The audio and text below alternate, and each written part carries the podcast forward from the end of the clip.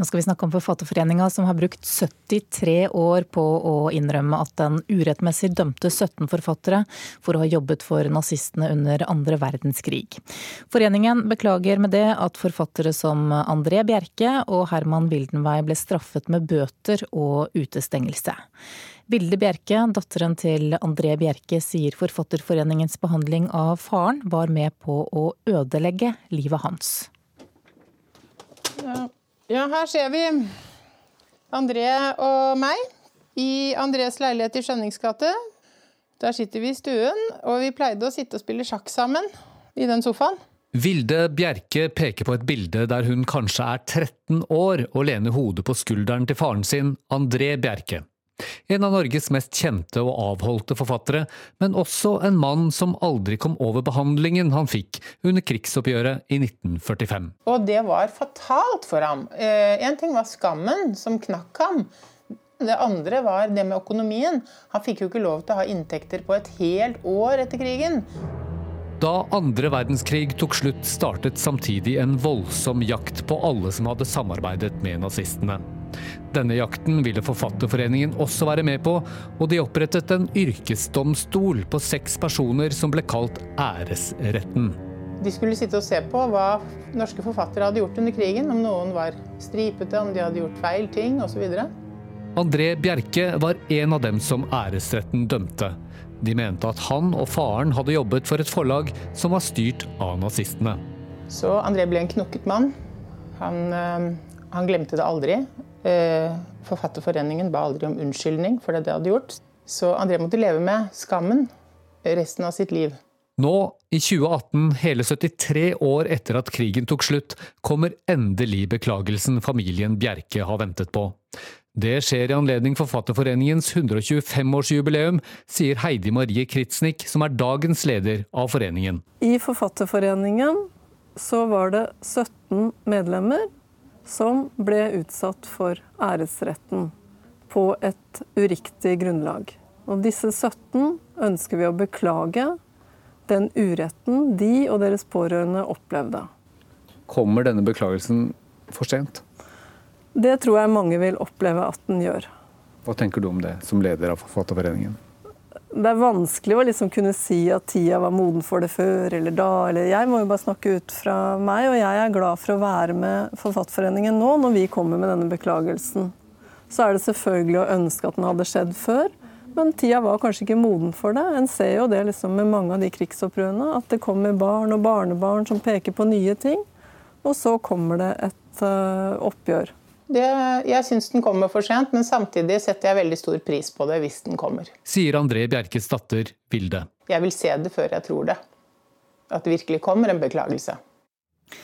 Planen er iallfall at eh, Forfatterforeningen skal beklage offentlig førstkommende torsdag, 15.11. klokka 11, og det skjer på Grand Hotell i eh, Oslo. Reporter her, det var Petter eh, Sommer. Kulturkommentator her i NRK, Agnes Moxnes. Dette oppgjøret som Forfatterforeningen tok etter krigen er kanskje ikke like kjent for alle. Du må forklare litt hvordan det foregikk? Altså Bare noen ytterst få dager etter at krigen var slutt, så oppfordret kulturgruppen i Hjemmefronten samtlige kunstnerorganisasjoner, altså ikke bare Forfatterforeningen, om å straffe de medlemmene som hadde samarbeidet med okkupasjonsmakten, eller som ikke hadde vist god nok nasjonal holdning, som var et uttrykk de, de brukte. Og allerede 15. mai så tok altså Forfatterforeningen på seg jobben med å ekskludere og stemple egne medlemmer som uverdige. Og endatil da ved å stille folk som Wildenvey og far og sønn Bjerke for en slags hjemmesnekret domstol og gi dem en eh, dom som i ettertid viser seg å være veldig tilfeldig og dårlig fundert, eh, og som absolutt ikke var hjemlet i norsk lov. Så det var snakk om skjønn her? I stor grad om skjønn, og veldig mange tilfeldigheter som spilte inn. Så hørte vi Vilde Bjerke fortelle at behandlingen som Forfatterforeningen ga faren hennes, var med på å ødelegge livet hans. Hvilke konsekvenser fikk det for de andre som ble straffet? Dette ble jo kalt en æresrett, og det var jo ingen dom som het at, man, at du nå er fradømt ære, men det var det som var konsekvensen. Et eh, tap av ære. Eh, og for mange så ble jo det en straff som varte livet ut. Eh, de ble i stor grad straffet for unasjonale småsynder som overhodet da ikke var juridisk straffbare. Så forfattere, komponister, billedkunstnere fikk eh, yrkes- og, og, og ytringsforbud. De ble nektet å publisere egne verk, og ble altså da fratatt rettssikkerhet og ytringsfrihet. Og det er jo et eksempel på at rettsstaten ble koblet fra rett etter en krig, hvor jo kampen hadde stått om å kjempe altså for demokratiet og en fungerende fungerende rettsstat. Så går det altså 73 år, og så finner Forfatterforeningen ut at de skal komme med en beklagelse. Hvorfor kommer det akkurat nå? Vi kom oss jo ganske egentlig ganske lett gjennom krigen her i Norge, men vi kom oss ikke så veldig lett igjennom rettsoppgjøret, og det er det dette her handler, handler om. På samme måte som statsministeren nå på vegne av regjeringen unnskyldte seg i forhold til eh, de såkalte tyskerjentene, eh, så er det altså nå først 73 år etter krigen at kunstnerorganisasjonene gjør nettopp det samme. Mm, men er det for sent? Ja, altså I 1945 så var det ingen forfattere som protesterte mot det som skjedde. Heller ikke ytringsfrihetsorganisasjonen og, og skribentorganisasjonen Penn. Eh, så ja, det er på tide. Takk skal du ha, kulturkommentator her i NRK, Agnes Moxnes.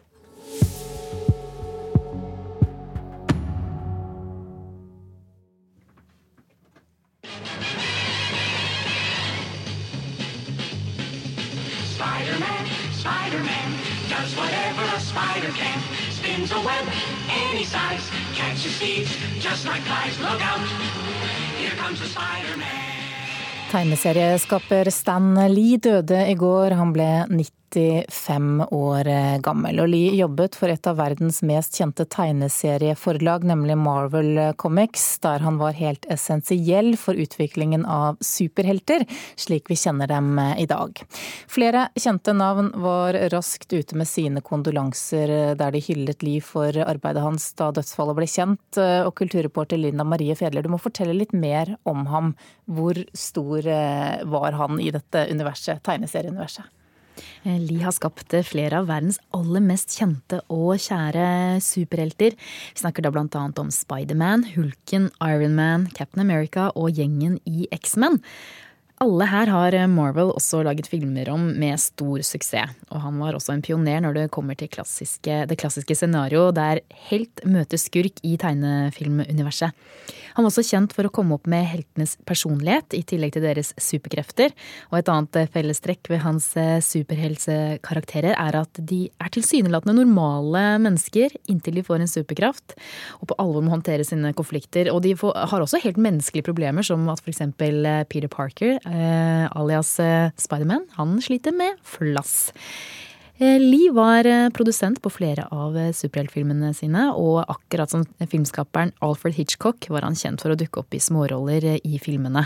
Flere Hollywood-kjendiser delte sine hyllester til tegneserieskaperen på Twitter og sosiale medier i går. Artisten Gene Simmons takket ham for å ha medvirket til å ha gjort barndommen hans mer spennende, og skuespiller Hugh Jackman, kjent som Wolverine-karakteren, han eh, skriver at vi har mistet en utrolig kreativ eh, geni, og Stan Lee var en banebrytende kraft i superheltuniverset. Takk skal du ha, kulturreporter Linda Marie Fedler. Neste år fyller Håkon Bleken 90 90 år, men allerede nå i høst starter feiringen. I helgen åpnet Henny Onsdag kunstsenter på Høvikodden i Bærum en stor retrospektiv utstilling, og Mona Pali Bjerke, kunstkritiker her i NRK, forteller at Håkon Bleken regnes som en av det norske kunstlivs mest markante skikkelser. Ja, dette er liksom høvdingen i norsk kunstliv, en av våre aller, aller største kunstnere. Han debuterte allerede på 50-tallet med et kubistisk inspirert uttrykk, veldig inspirert av Picasso. Men allerede på 60-tallet så beveget han seg inn i et mer figurativt fortellende uttrykk. Så hele dette spennet da, fra begynnelsen og helt frem til i dag får vi se på henne i Onsdag kunstsenter. Og han jo veldig, har jo vært veldig involvert i kurateringen og hadde egentlig ønsket å fokusere mest på det som han lager eh, nå. Men heldigvis så får vi altså se hele spennet, for det er veldig morsomt. For han er jo kjent for maleri, men han jobber også med kollasj, ikke sant? Ja, det som er morsomt med disse, er at de ved første øyekast ser ut som malerier. Så kommer du nærmere, og så ser du hvordan det ulmer med disse eh, avisutklippene under overflaten. Disse fragmenterte fortellingene. Det er bl.a. en utrolig sterk serie med korsfestelsestema, hvor selve korset og den korsfestede kun er en mørk kontur mot denne bakgrunnen av små grusomme fragmenter av avisutklipp, f.eks. fra første verdenskrig. Da. En eh, drøyt 100 år gammel massaker. Og her kan det altså av og til bare stige frem fra dette billednettverket. F.eks. et ansikt, mørke øyenhuler eller et, en rovfugl, en maske. Så det er sånn et, et, en brytning da, mellom en billedvirkelighet eh, som kobler seg mot eh, medievirkeligheten, men også mot det maleriske. Så her tematiserer han jo også utfordring ved å skape da, et håndverksmessig basert medium i en eh, medievirkelighet. Men så er det sånn at det er mange nye bilder også her. Hva er det han tematiserer i disse? Ja, han er opptatt av kroppslig forfall og død, eh, og dette er jo temaer som har dominert i hans kunstnerskap de siste årene. Han skildrer jo seg selv helt skånseløst. Alderdommen, den nakne angsten for det som snart skal komme. Hele veien så lurer jo døden under overflaten.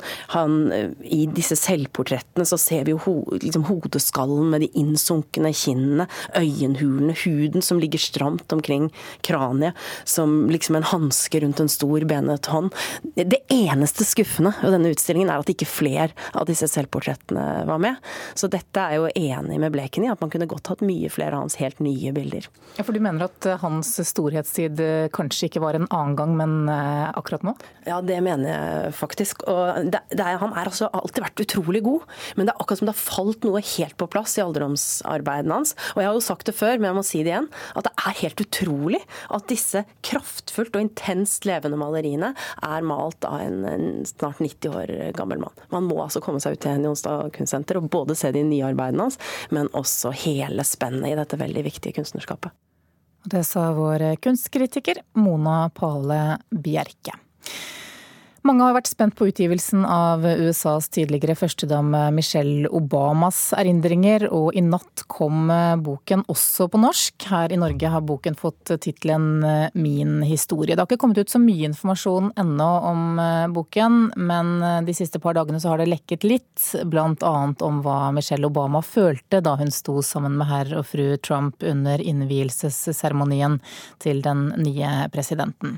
Boka den er en av de mest mest forhåndsbestilte i USA noensinne, og Michelle og Barack Obama har fått til sammen 520 millioner kroner for å skrive selvbiografier, og det er noe av det vi skal snakke om også den neste halvtimen. Ja, Det jeg i hvert fall er veldig spent på, er jo er hun en like god forfatter som sin mann? Fordi at Barack Obama er jo en, eh, i tillegg til å være president, så, eller ekspresident som vi sier her i Norge, så, så, um, så, er han jo en full, full Altså han er jo så utrolig god forfatter. Det er godt forklart. Um, neste halvtime, siste halvtimen i Nyhetsmorgen, så skal vi, da skal vi tilbake til dette ordet, Anne. Innovasjonsminister. Innovasjonsminister. Det er jo slik at eh, åtte av ti kommuner satser feil, ifølge enkelte, når de prøver å få folk tilbake til hjemmeplassen hjemplassen og eh, etablere seg der. Derfor har man altså i en kommune i Norge opprettet stillingen innovasjonsminister. Og så kan man jo da gjette hvilken kommune dette er, siden de nå snakker om innovasjonsminister. Jeg skal ikke si det. Nei, da tenkte jeg det var vanskelig å finne ut, ja.